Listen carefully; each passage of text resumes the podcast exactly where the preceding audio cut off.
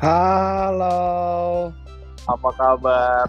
Baik, baik. Gimana kabarnya nih? Baik, Bang. Ini Bang lagi pada rame nih, Bang. Rame apa nih sekarang nih? Gak ada klub main nih. Timnas yang banyak nih sekarang kan. Betul. Rame apa Yang nih? lagi yang lagi rame CSM yang kemarin ngebu Donnarumma dijadiin Oke. kambing hitam atas kekalahan Italia, Bang. Kambing hitam dan aroma ya. Ya ngomongnya siapa itu? Banyakan dari mana nih? Pengen tahu Fans gua. lain dan fans Jupe ya. Fans Juve, fans lain. Luar dari luar gimana? Pundit-pundit luar atau gimana? Dari Italinya sendiri. Dari Italianya juga sama, pelatihnya juga sama, apalagi Raiola. Dari pemain Inter juga ada yang komentar. Dari Legend juga ada. dari legend juga ada ya. Nah, pandangan gua gini. Kita bahas dulu pertandingannya baru kita bahas Donnarumma-nya karena kan dijadiin yang kekalahan kan Iya. karena Donnarumma berarti kita bahas dulu pertandingannya. Dua-dua golnya itu kesalahan siapa? Kesalahan Donnarumma kah? Meskipun Ya. emang iya. Donnarumma mainnya jelek di bawah form karena dia gugup. Faktor mental kali ntar gua bahas itu Donnarumma spesifik. Tapi gua bahas nih Italinya yang jelas harusnya dijadiin kambing hitam ya secara mata. Jelas aja kasat mata ya Bonucci lah.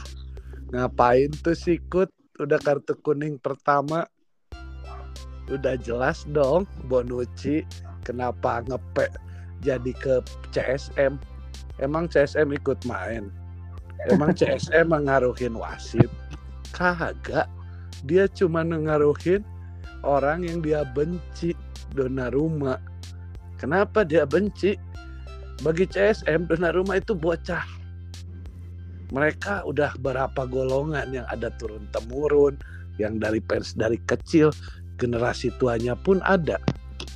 Malah pernah ada satu film namanya Ultras judul filmnya ngebahas tentang fansnya Napoli.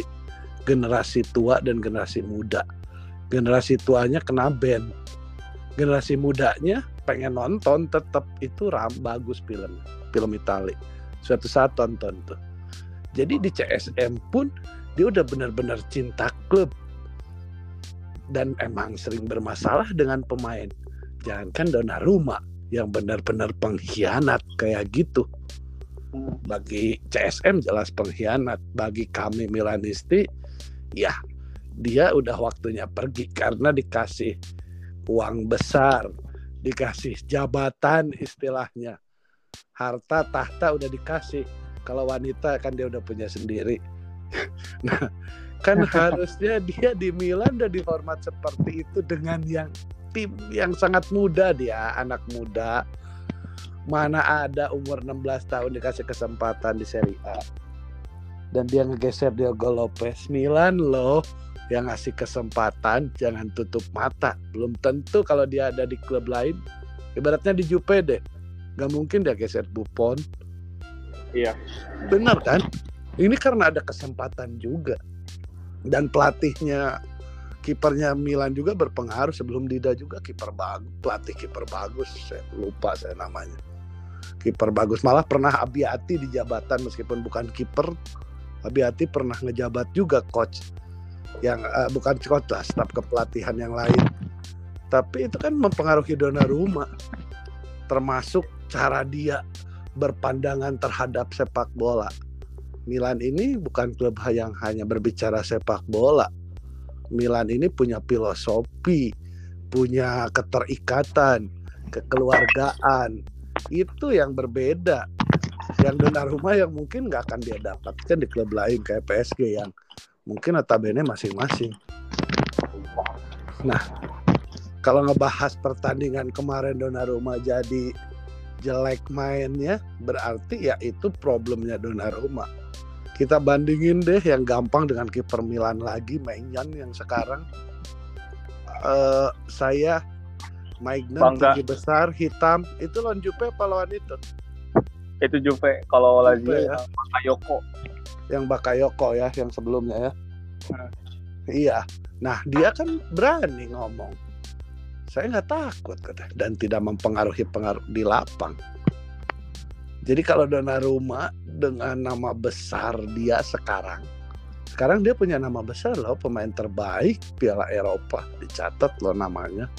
Hmm. yang dunia baru tahu yang akhirnya nyalahin Milan. Kita fans Milan udah kenal Donnarumma dari bocah loh bro gitu. Mereka kan baru tahu Donnarumma setelah Piala Eropa. kemarin Eropa. Dan setelah kasus transfer dia ke PSG kapan mereka nonton Donnarumma yang hanya tahu cuma di berita doang. Berita nggak mewakilin apa-apa. Berita gimana kepentingan? Siapa yang kontrolnya itulah media. Aku kontrol the media kontrol the mind yang jelas ya kita punya mata kita punya naluri kita penggemar sepak bola kita bisa menilai mana pemain bagus mana enggak. Gitu jadi kalau bagi fans Milan Donnarumma itu emang pemain yang kita sayang tumbuh yang akhirnya kita anggap ya dikasih uang seperti itu pun dia nggak nerima ya udah dia keluar aja lah. Kita nggak perlu pemain yang butuh uang kita butuh pemain yang butuh klub yang nggak di kayak Tonali. Dia turun gaji demi klub mau dia nah itu. Kayak Adi Rami zaman dulu. Saya ingat gua kasus transfernya kurang. Dia nambahin 500 ribu juta euro kalau nggak salah. 500 ribu euro dia tambahin untuk main di klub sebesar Milan. Kasarnya pemain gak digaji pun mau zaman dulu asal main di Milan. Iya. Nah, kalau Donnarumma kan udah berpandangan lain ya itu nggak sesuai dengan filosofi Milan ya silakan go out. Gitu. Balik lagi yang banyak nyalahin CSM. Lu tahu nggak kasus CSM dengan Maldini gitu? Mereka tahu nggak orang yang seperti itu? Saking cintanya CSM terhadap Milan, dia ribut ladenin legend Milan, Maldini. Kasusnya kan banyak dengan CSM. Malah di hari terakhir Maldini main di San Siro dihina sama CSM dikasih banner hanya ada satu kapten ya nomor 6 Baresi. Kesian bagi gua juga gua sedih sebagai fansnya Maldini dari kecil. Semenjak gua nonton bola gua nonton Maldini dari tahun 86 87 gua nonton Milan gua nonton Maldini. Jadi gua ngikutin perkembangan Maldini dari bocah juga Maldininya sampai dia jadi kapten ngegantiin Baresi yang pensiun mungkin 96 kelihatannya 95 96 Baresi masih main kayak 96 97 mungkin. Dia langsung jadi kapten dari Baresi. Paling Tasoti Tasoti udah pensiun pas Baresi pensiun saya gua. Maldini pun diperlakukan seperti itu. Karena CSM ini sendiri kan organisasi yang benar-benar cinta Milan ada beberapa lah waktu zaman Berlusconi kayak brigade apa yang nggak boleh kan? Kalau CSM ini dari dulu dengan Berlusconi pun meskipun berseberangan tapi tidak di ban untuk nonton Milan. Yang dianggap ya dia pembakar semangat Milan spirit. Hmm. jadi yang nonton sepak bola harusnya bisa menganalisis di lapangan. Seperti apa emang CSM ikut nendang bola. Dia hanya mempengaruhi mental apa bedanya dengan pemain bulu tangkis Malaysia main di stadion kita bulu tangkis di lapangan? Habis kan dia dicemooh tapi mental berpengaruh. Banyak lindan. Setiap udah terima bola dihuit tapi ya itu resiko lu sebagai atlet. Kalau Profesional. profesional dan melihat kan semakin lu bisa ngendaliin diri lu berarti kan ngelawan semua aura yang di luar yang mempengaruhi atmosfer di luar. Berarti lu bisa menyelesaikan pertandingan dengan skill lu bener. Gak akan terganggu. Ternyata dia kan ke distract. Berarti ya baru sampai situ loh mentalnya. Apalagi dia nangis. Ya kebayang berarti bocah ini anak. Gitu Padahal kan sebelumnya juga pada tahun 2018 fans Juve juga kayak gitu ke Bonucci pas Bonucci pindah ke Milan. Oh kayak iya betul. Nyorakin pas main di timnas juga. Pas main di timnas betul betul. Lawan Belanda. oke lawan Belanda ya. Iya iya benar. Tapi kan Bonucci dia nggak terpengaruh dan nggak banyak komentar ke fans Juve kayak apa dia tahu kok nyadar diri dia pengkhianat waktu ke Milan. Dan dia tahu ketika balik lagi ke Juve pun nggak gampang. Fans Juve eh, ngabalikin lagi. Kan waktu itu penyambutannya sangat jelek Bonucci waktu comeback ke Juve kalau nggak salah. Iya. sepi. Iya. Tapi dia tahu nyadar ya itulah pemain yang udah mentalnya kebentuk. Beda kalau beda Donnarumma ben anak kemarin sore dia di UCL pun baru main kemarin kan baru satu pertandingan dia di UCL duluan Daniel Maldini main di UCL sebelum Dona loh Iya. iya kan jadi emang dia baru ke keasah mentalnya bener-bener ya di Piala Eropa kemarin Semalam Daniel bikin gol juga ke gawang Inggris. oh, oh iya sundulan ya sundulan Iya. Hmm. Betul betul dia cetak gol. Iya, mudah-mudahan tambah terus tambah cetak gol beban dia semakin berkurang.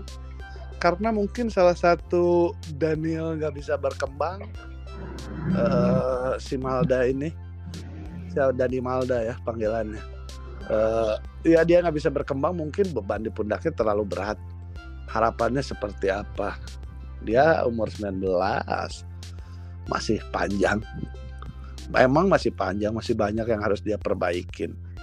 Tapi dia di track yang tepat bersama tim yang tumbuh. Itu sih yang gue lihat. Milan ngasih kepercayaan juga bu- buat anak muda gue lihat. Gitu. Iya. Terus Dan gimana? Mancini juga kan bilang ya bang kalau di konferensi pers setelah pertandingan katanya harusnya kejadian kayak gini terjadi di pertandingan Milan lawan PSG gitu bukan di pertandingan timnas seperti ini jadi kayak fans AC Milan itu di Ya, Iya bagi gua Mancini amnesia. Gua, bagi gua kayak gitu. Dia lupa kali dia orang mana, dia lupa. Dia udah lupa dia orang Itali kali udah kebanyakan hidupnya di luar dari kapal pesiar Inggris. Dia lupa jati diri dia.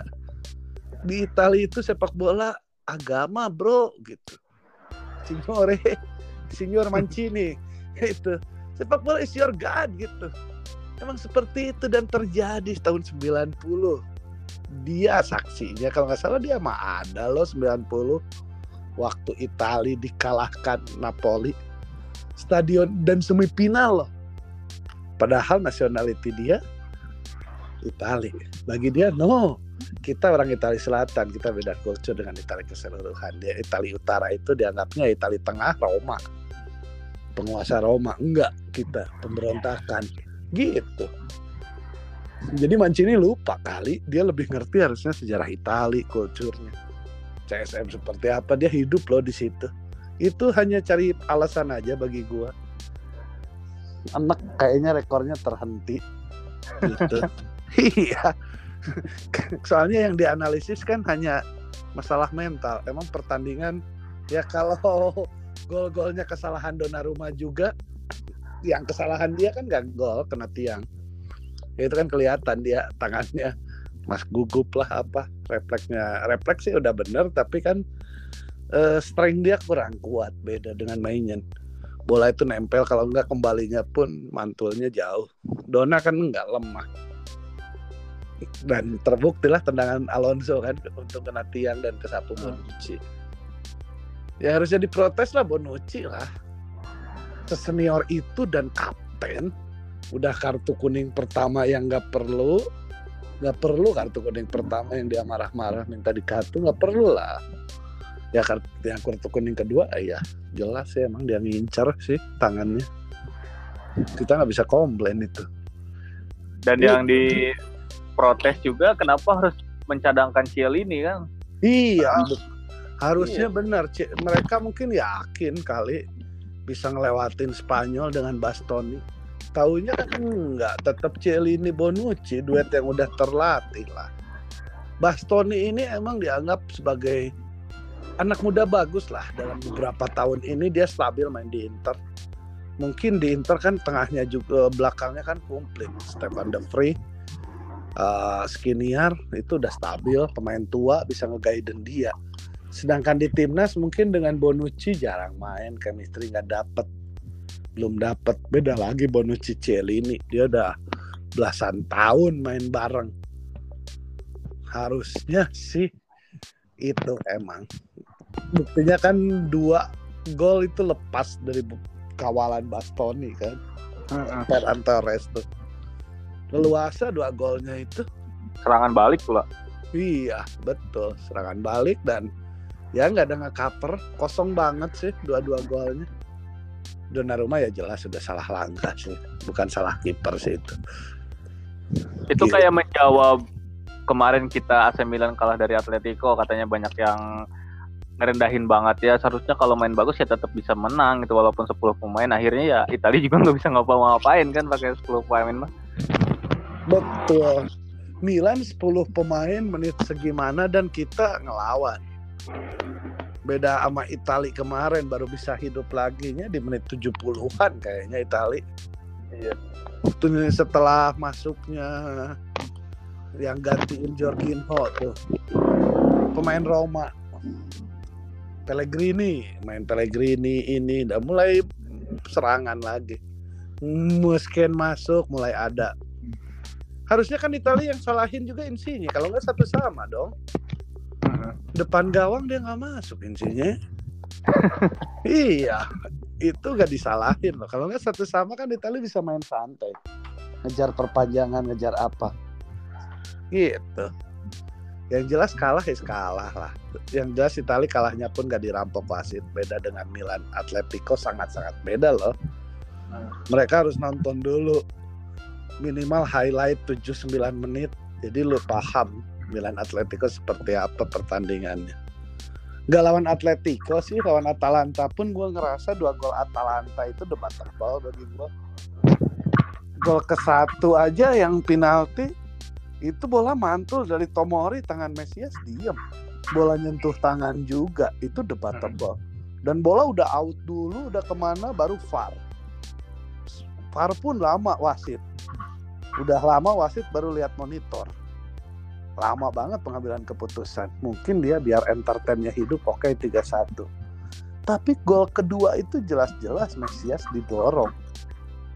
Jelas lah itu didorong Mesias. Itu nggak pelanggaran. Makanya pemain Milan di belakang nggak ada yang siap karena mereka ngerasanya bakal pelanggaran. Calabria hmm. angkat tangan. Makanya lolos kan pas Salik itu belakangnya Calabria kalau nggak salah ya. Karena mereka udah nganggap itu pelanggaran. Tomori pun sama udah nganggap pelanggaran mereka nggak siap. Gitu. Banyak fans Milan yang nyalahin Mesias gua si Mesias ngelihat kemarin main sebentar gua sih beropini dia bakal ngasih sesuatu buat Milan. Dia bakal beda dengan Castillejo lihat aja. Beda ini. Dia bakal ngasih sesuatu bagi Milan kedalaman squad dia dribble bisa. Tinggal timingnya dia belum tepat. Dribblenya oke okay dia. Backtracknya bagus. Buktinya. Yang harus disalahin Theo loh gol kedua kenapa yang ada Mesias di situ? Dia gelandang serang tapi bisa ada di belakang loh. Berarti kan hebat harusnya dipuji tuh. Yang hmm. syuting pun dia ngeblok loh ikut bareng dengan Tomori. Ya bola kena tangan dia yaitu sial bukan salah dia. Bukan dia yang ngejar bola sengaja tangannya nutup bukan. Segitu kan berarti dia ngebuktiin backtrack. Gue sih ngelihat apresiasi gue dengan Mesias nggak. Gue percaya deh Maldini nggak akan asal rekrut dengan Moncada. Nggak akan asal rekrut kok. Yeah kapten uh, Boban juga kan sempat itu ya apa bilang kemarin katanya saya bangga terhadap Maldini dan Mas Hara tapi kata dia ke awal kejayaan AC Milan ya diawali dengan kedatangan Ibrahimovic Betul. dan itu adalah adalah salah satu dari keberhasilan kinerja saya katanya gitu. Benar benar benar itu benar. Iya Milan sekarang emang Moncada, Masara, Maldini mereka luar biasa lah dengan budget yang kecil. Budgetnya susah lah, tambal sulam kita. Gaji pun nggak bisa ngasih besar. Makanya paham kayak Boban ini. Boban ini orang yang dengan punya tingkat intelijensia tinggi. Ya kalau nggak salah PhD, kalau nggak salah gelarnya tuh. Kalau nggak salah dia dia pinter orang kelas tinggi lah dia anak akademis pula setelah lulus dari setelah pensiun dari Milan dia kuliah saya ingat gua Boban dan dia dipakai di FIFA ketika Milan ngambil Boban Maldini karena kan dia ngelihat Maldini yang datang ke rumahnya nyetir sendiri ke hmm. Zagreb ke Kroasia ke Zagreb yang akhirnya Boban tertak ikut gabung dengan proyek Milan. Itu kalau nggak salah banyak uh, yang berkomentar dari FIFA ya mereka ngerasa kehilangan Boban gitu. Cuman daerah timur itu kan orangnya keras. Iya. Mereka punya prinsip karena waktu itu kan gue pernah sempat bercerita kan. Salah satunya kenapa mereka keras karena faktor perang 92 Slobodan Milosevic kan. Boban itu kan sama juga, cuman waktu itu Boban bukan bocah. Bukan kayak Rebic, Brozovic, Ilikic, mereka kan waktu itu masih pada bocah. Boban ah. udah umur 20-an lah. Waktu kejadian 92, dia udah di Zagreb. Di Red Star ya, Red Star Zagreb waktu itu namanya. Ya. Iya. Nah, jadi emang luar biasa nih. Maldini ngambil dengan Moncada Moncada. Cuman Milan kan kita tahu sendiri kita hancur di bantai Atalanta 5-0 dan emang benar ternyata Pioli tidak bisa nyulap tim kalau nggak ada Ibra. Faktor terbesarnya Ibra. Dia ya bisa ngasih motivasi di dalam maupun di luar luar lapangan. Dia kayak bapaknya semuanya gitu. Bapak anak-anak itu gue lihat seperti itu. Jadi yang diomongkan oleh Boban dia paham betul siapa Ibra dia paham sepak bola dia paham ruang ganti dia paham pengaruh determinasi seorang pemain juara. Jarang loh Boban berkomentar. Coba lihat jarang. Karena komentar dia ya dianggap valid dianggap patwa kali ya kalau kita ngobrolnya. Karena jarang dia berkomentar. Iya. Iya. Gitu. Dan dilihat-lihat juga ya kalau dari beberapa komentar pemain Milan yang lainnya gitu kayak kayak kayak Ibra gitu sekarang kayak sedikit-sedikit kayak Ibra gitu kayak kayak nyeleneh dan kayak sombong dikit gitu loh kayak kemarin iya, kan iya. sempat bilang ya kalau dia katanya di Serie A nggak ada tim yang lebih baik dari Milan kan banyak yang protes tuh ya fans lain betul betul betul ya. Terus uh, kemarin Theo bilang katanya saya tahu Lukaku itu pemain yang kuat tapi saya hanya melihat dia cuma 20 menit sisanya nggak nggak tahu ke mana katanya gitu kan itu kayak kayak iya, benar, gitu. benar.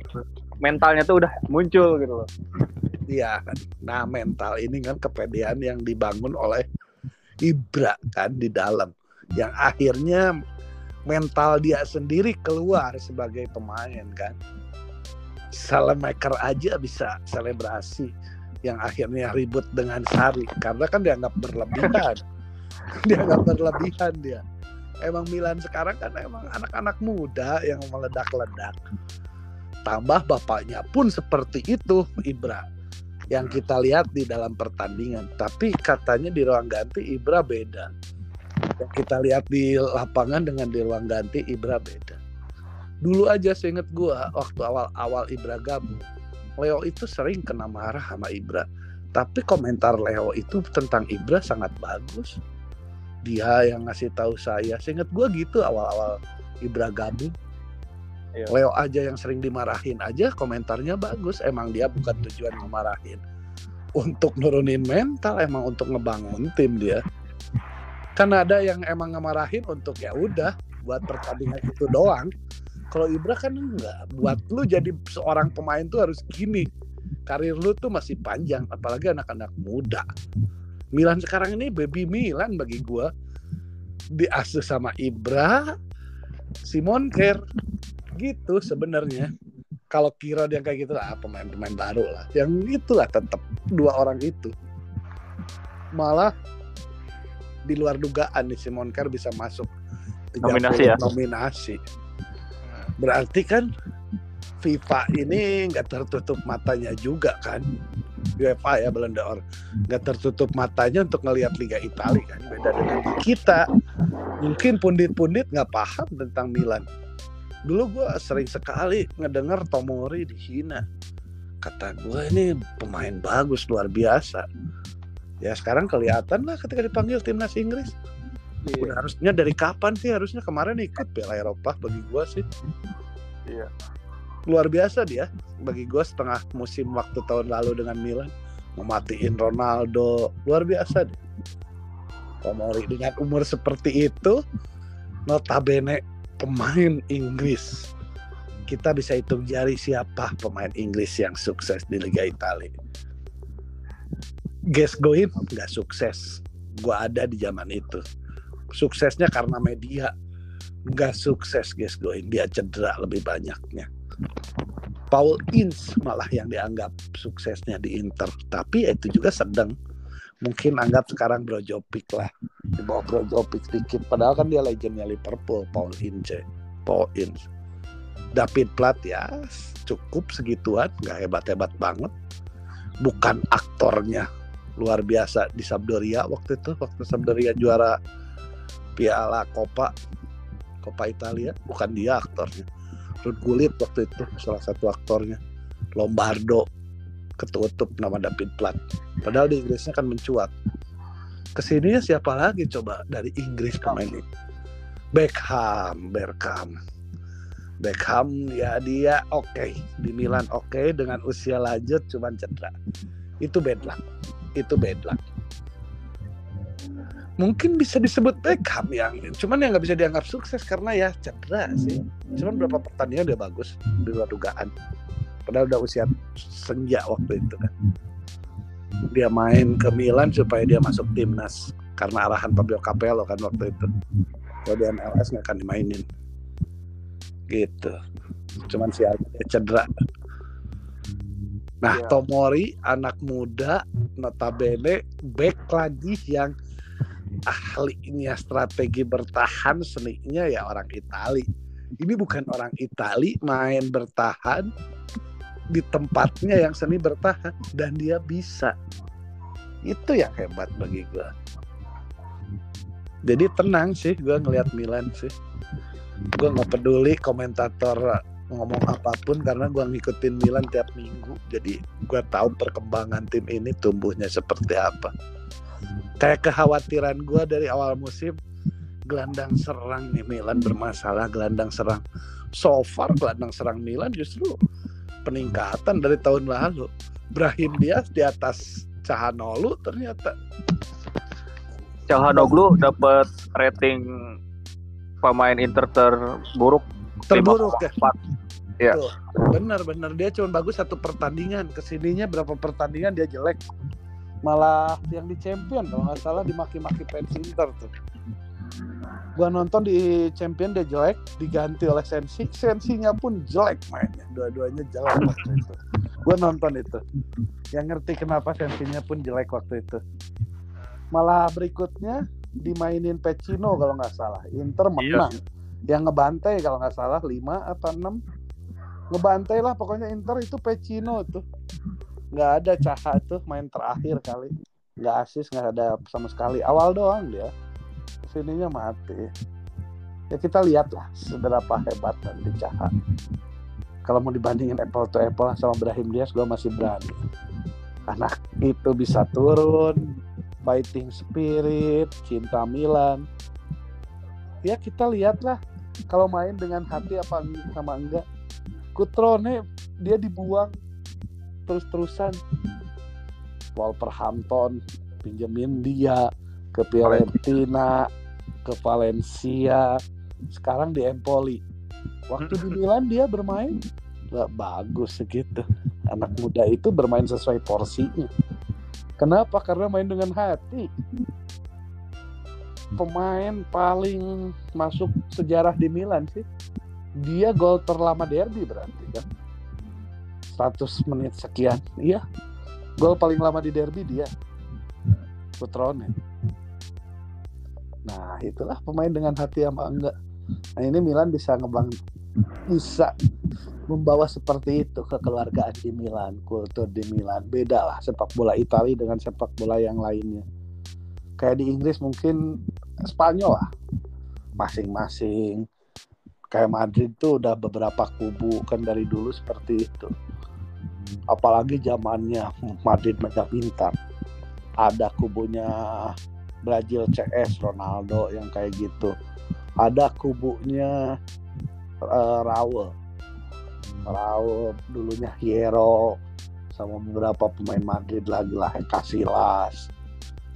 Ramos masih muda waktu itu kayaknya. Terus satu lagi kubunya Zidane. Tiga kubu di Madrid. Mau gimana kita bisa main bola benar Anelka datang ke situ yang dia ngerasa pemain hebat nih Donnarumma ini kayak mirip-mirip Anelka gue lihat. Anelka itu pernah tahu kan? Tahu Anelka kan? Tahu Chelsea. Ya, Chelsea. Dia ngelalang ngelalang buana si Chelsea itu udah klub keberapanya ya berarti ya. Awalnya PSG juga pernah kan? Ke mana?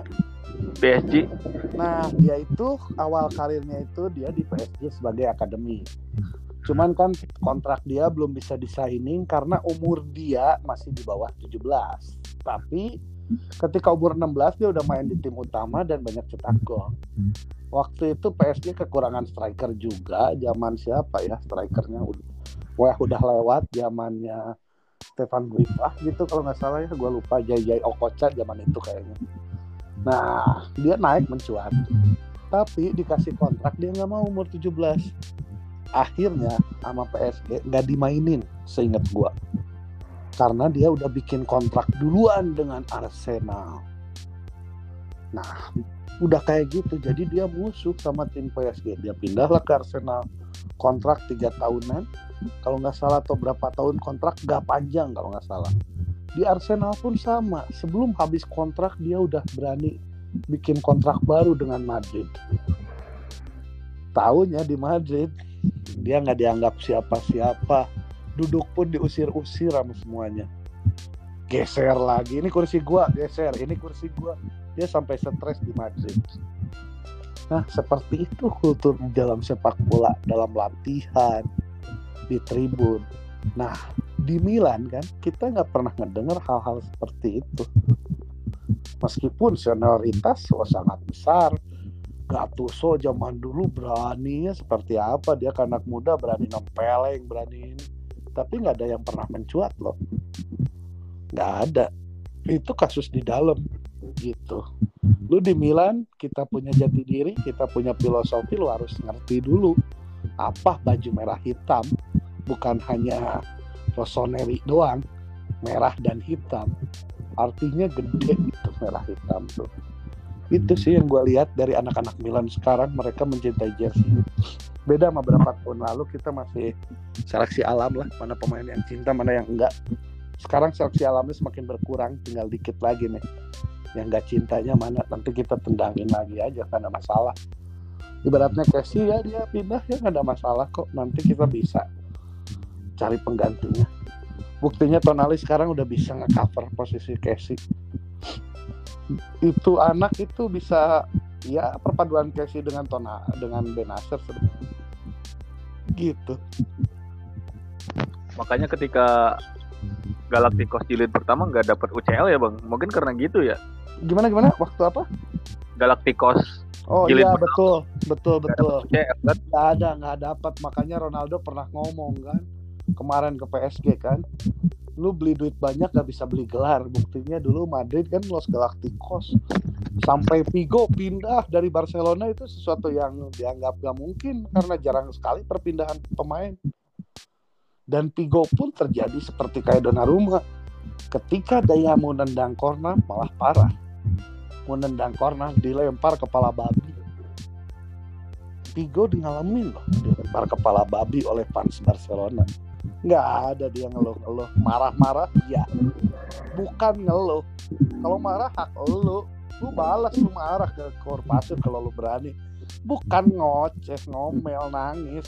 Kayak minta bantuan bapak ke Rayola. Apa ke Rayola ke Mancini kayak ngerengek. Ya anak lah gua ngeliat mentalnya bukan belum benar-benar mental seorang pemain sepak bola profesional dengan gelar dia pemain terbaik Euro nggak mencerminkan. Nggak mencerminkan sama sekali. Benar seriusan. Harusnya udah di mana loh level dia? Kayak ini mah dia ngeluh curhat. Ya apaan sih sepak bola bukan tentang curhat? Lu liatin performa lu di lapang seperti apa mental lu seperti apa. Apalagi kiper mentalnya wah sangat-sangat besar. Ngadepin penalti ngadepin one on one striker. Oh banyak sekali atur defense.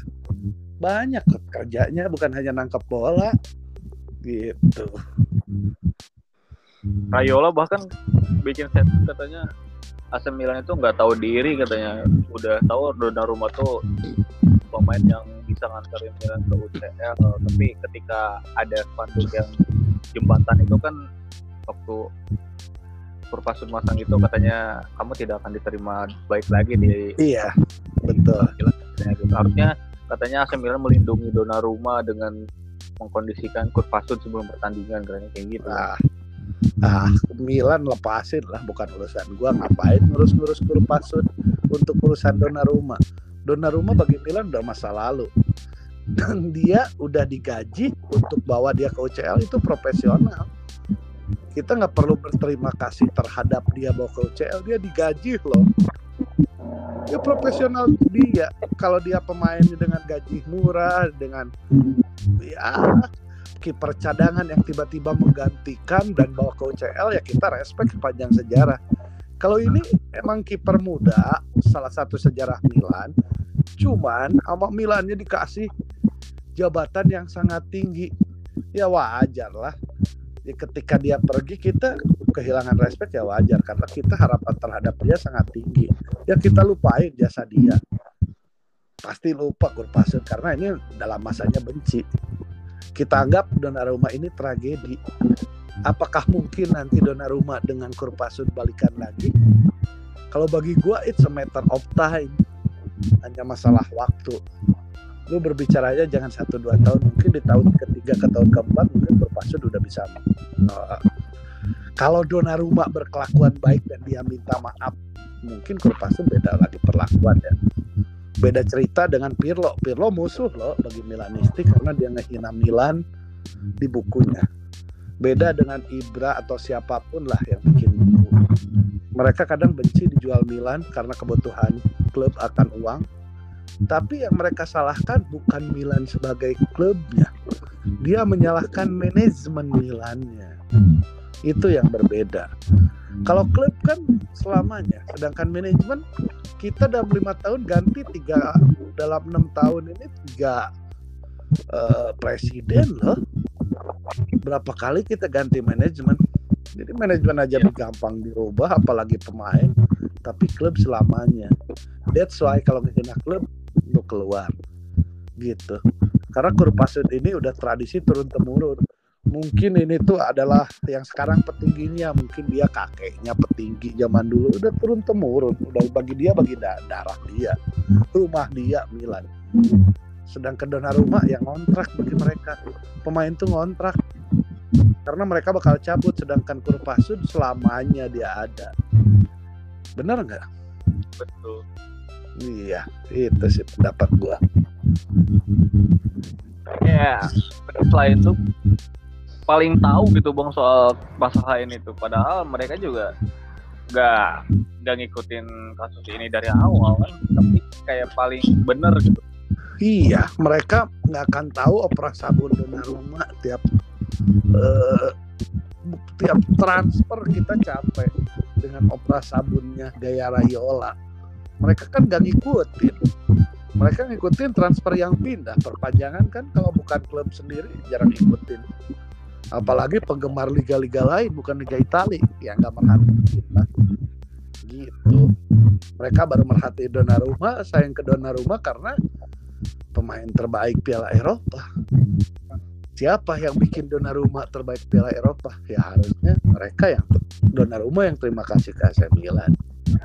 Umur segitu bisa dikasih kepercayaan ngawal tim besar. Perannya vital kiper tuh. Vital luar biasa. Jarang rotasi juga ya hampir jarang rotasi keganti berapa kali. Zaman Paling Diogo Lopez berapa kali tuh Tarusanu juga cuman berapa kali jarang jarang cedera juga. Jarang dia jarang kegantiin.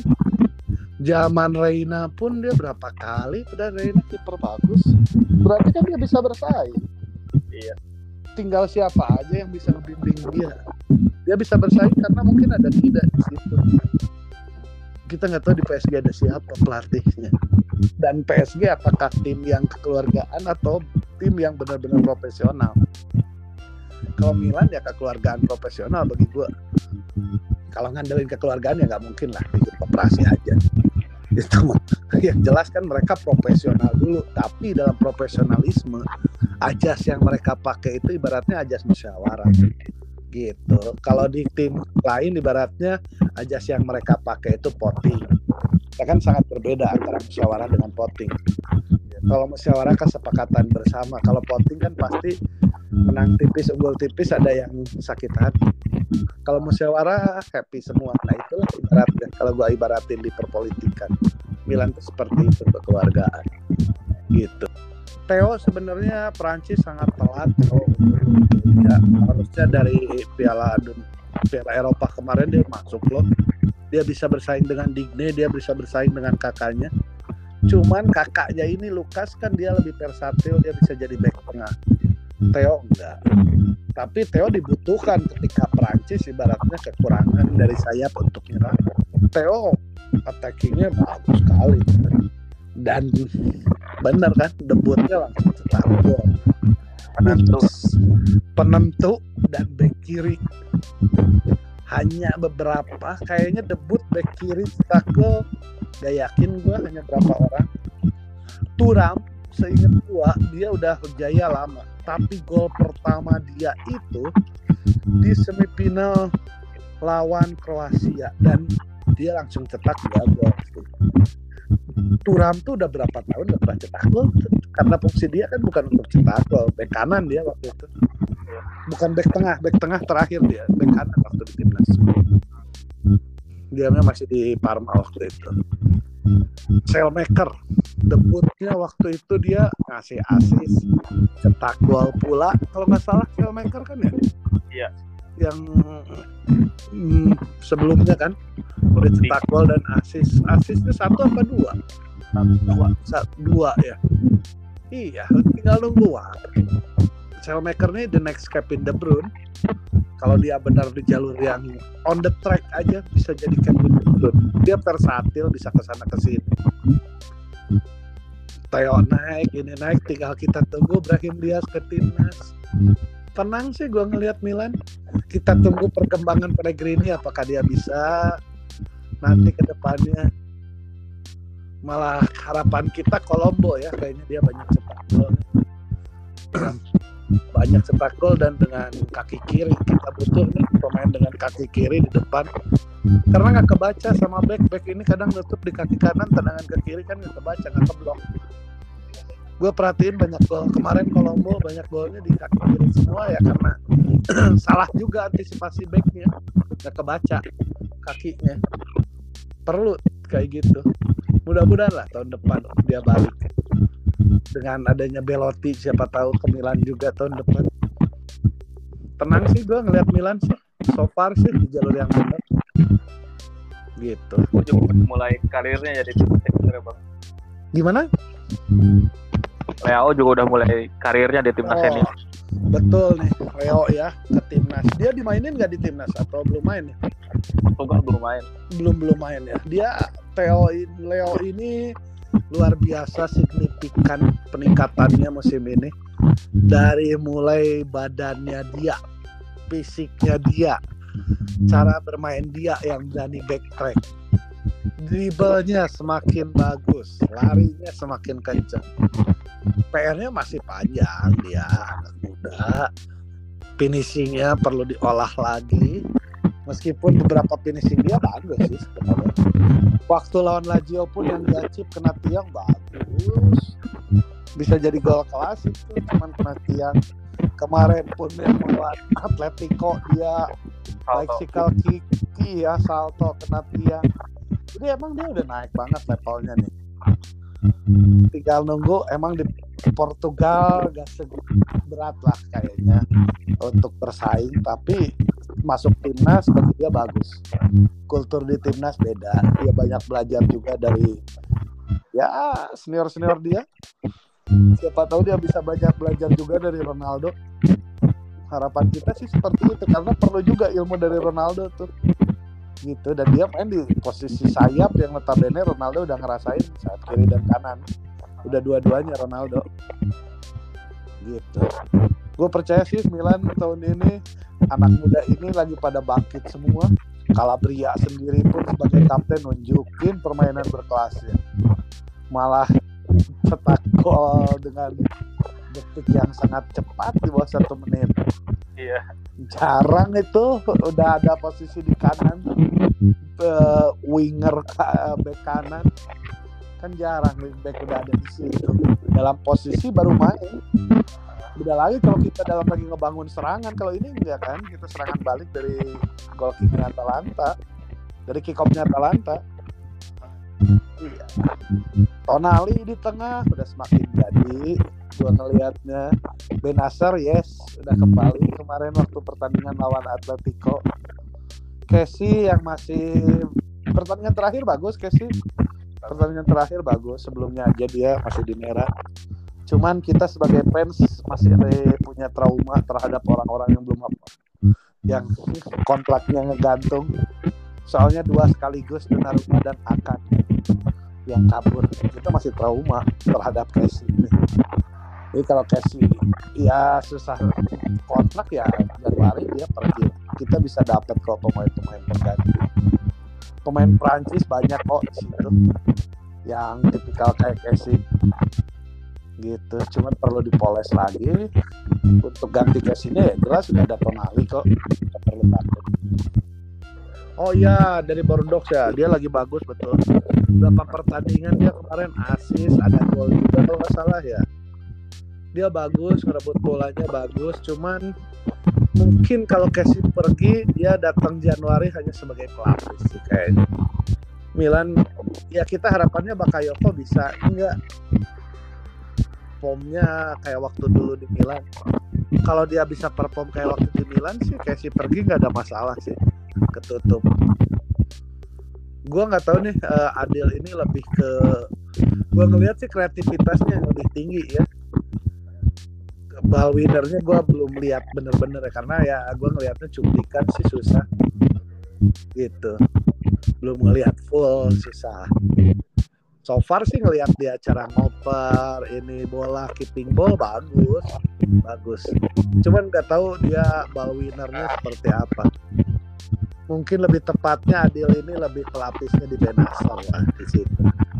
Tonali ini bisa dua-duanya gue lihat. Kreativitas tinggi ball winner ada. Jadi lah Tonali jadi. Pemain kelas tunggu waktu aja. Asis kan semalam. Iya asis dua lagi kan. Hmm. dari Cornell asis dua. Dia selalu dibanding-bandingin dengan Locatelli yang emang waktu kemarin kan Locatelli satu asis satu gol pas di klub. Dia asisnya ya biasalah gua nonton. Golnya gua nggak lihat sih golnya. Tapi kan dibuktiin sama Ton Ali dia juga asis di eh, pas Milannya. Ya Ton Ali sama Locatelli dia dibeli harga berapa? Tonali eh Locatelli 30 sekian umur berapa? Ke Juventus. Tonali umur berapa? Gaji berapa? Sekian. Kalau bagi gua sih gua tetap mendingan Tonali daripada Locatelli. Loka 27. Tonali Udah 21. ah udah jauh tuh 27 kirain gua dia masih 25 udah 27 ya. Harusnya udah di top performa itu 27 sampai 30 itu masa kemasan pemain sepak bola kalau Tonali ini masa pertumbuhan. Tapi gue sih nganggap Locatelli bentar lagi juga lewat lah sama Tonali. Lihat aja. Lihat aja dia akan bisa jadi jenderal di Juve. Tapi Tonali bisa jadi jenderal di Milan. Udah berapa pertandingan kita lihat sih Tonali kayak gimana main bisa dia. Lawan Atletico dia datang dengan 10 orang pas main kan bagus mainnya bagus dia gitu apalagi gimana di Twitter ini hari ini tuh adalah hari di mana AC Milan ngasih kontrak 2 tahun ke Pioli ya di tahun yang oh, lalu. Oh, yang sebelumnya ya. Uh, jadi dua tahun Stefano Pioli ini? Menurut gua sih awalnya termasuk orang yang aduh skeptis kenapa Milan jadi ke Pioli ya. Karena kita kan lagi ngontrak ngontaknya Spalletti waktu itu. Yang datang Pioli kalau Spalletti kan kita udah tahu sepak terjangnya seperti apa di Serie A dia udah pernah pegang Romanya Totti waktu itu. Dan waktu itu suksesnya Spalletti gue anggap Romanya Totti waktu itu. Totti Mancini Tadei. Dia pakai formasi 343 agak jarang waktu itu formasinya di Itali itu. Itulah Spalletti dia ke Zenit terus ini. Tapi kalau Pioli kan dia lebih banyak di ya di klub besar itu Pioli selalu nggak bisa bertahan lama. Di Inter bagus tahun keduanya dipecat. Lazio pun dia nggak stabil. Pio pun nggak terlalu stabil. Malah sekarang di Milan dia bisa stabil. Mungkin pengaruhnya ada orang yang bisa ngebantu menutupi kekurangan dia nggak tahu benar nggak tahu. Nggak ini by feeling aja gue ngelihatnya. Pioli ini man manajemennya mungkin lemah. Jadi kayak ngasih tahu ke pemain bintang apa karena dia kan ya notabene bukan pelatih berkelas tinggi yang punya power. Jadi pemain pun bisa ngeyel lah ibaratnya. Nah tapi kan ini nggak terjadi. Mungkin ada bantuan dari Ibra. Mungkin ada bantuan dari Maldini yang kita nggak tahu apa yang terjadi di balik uh, ruang ganti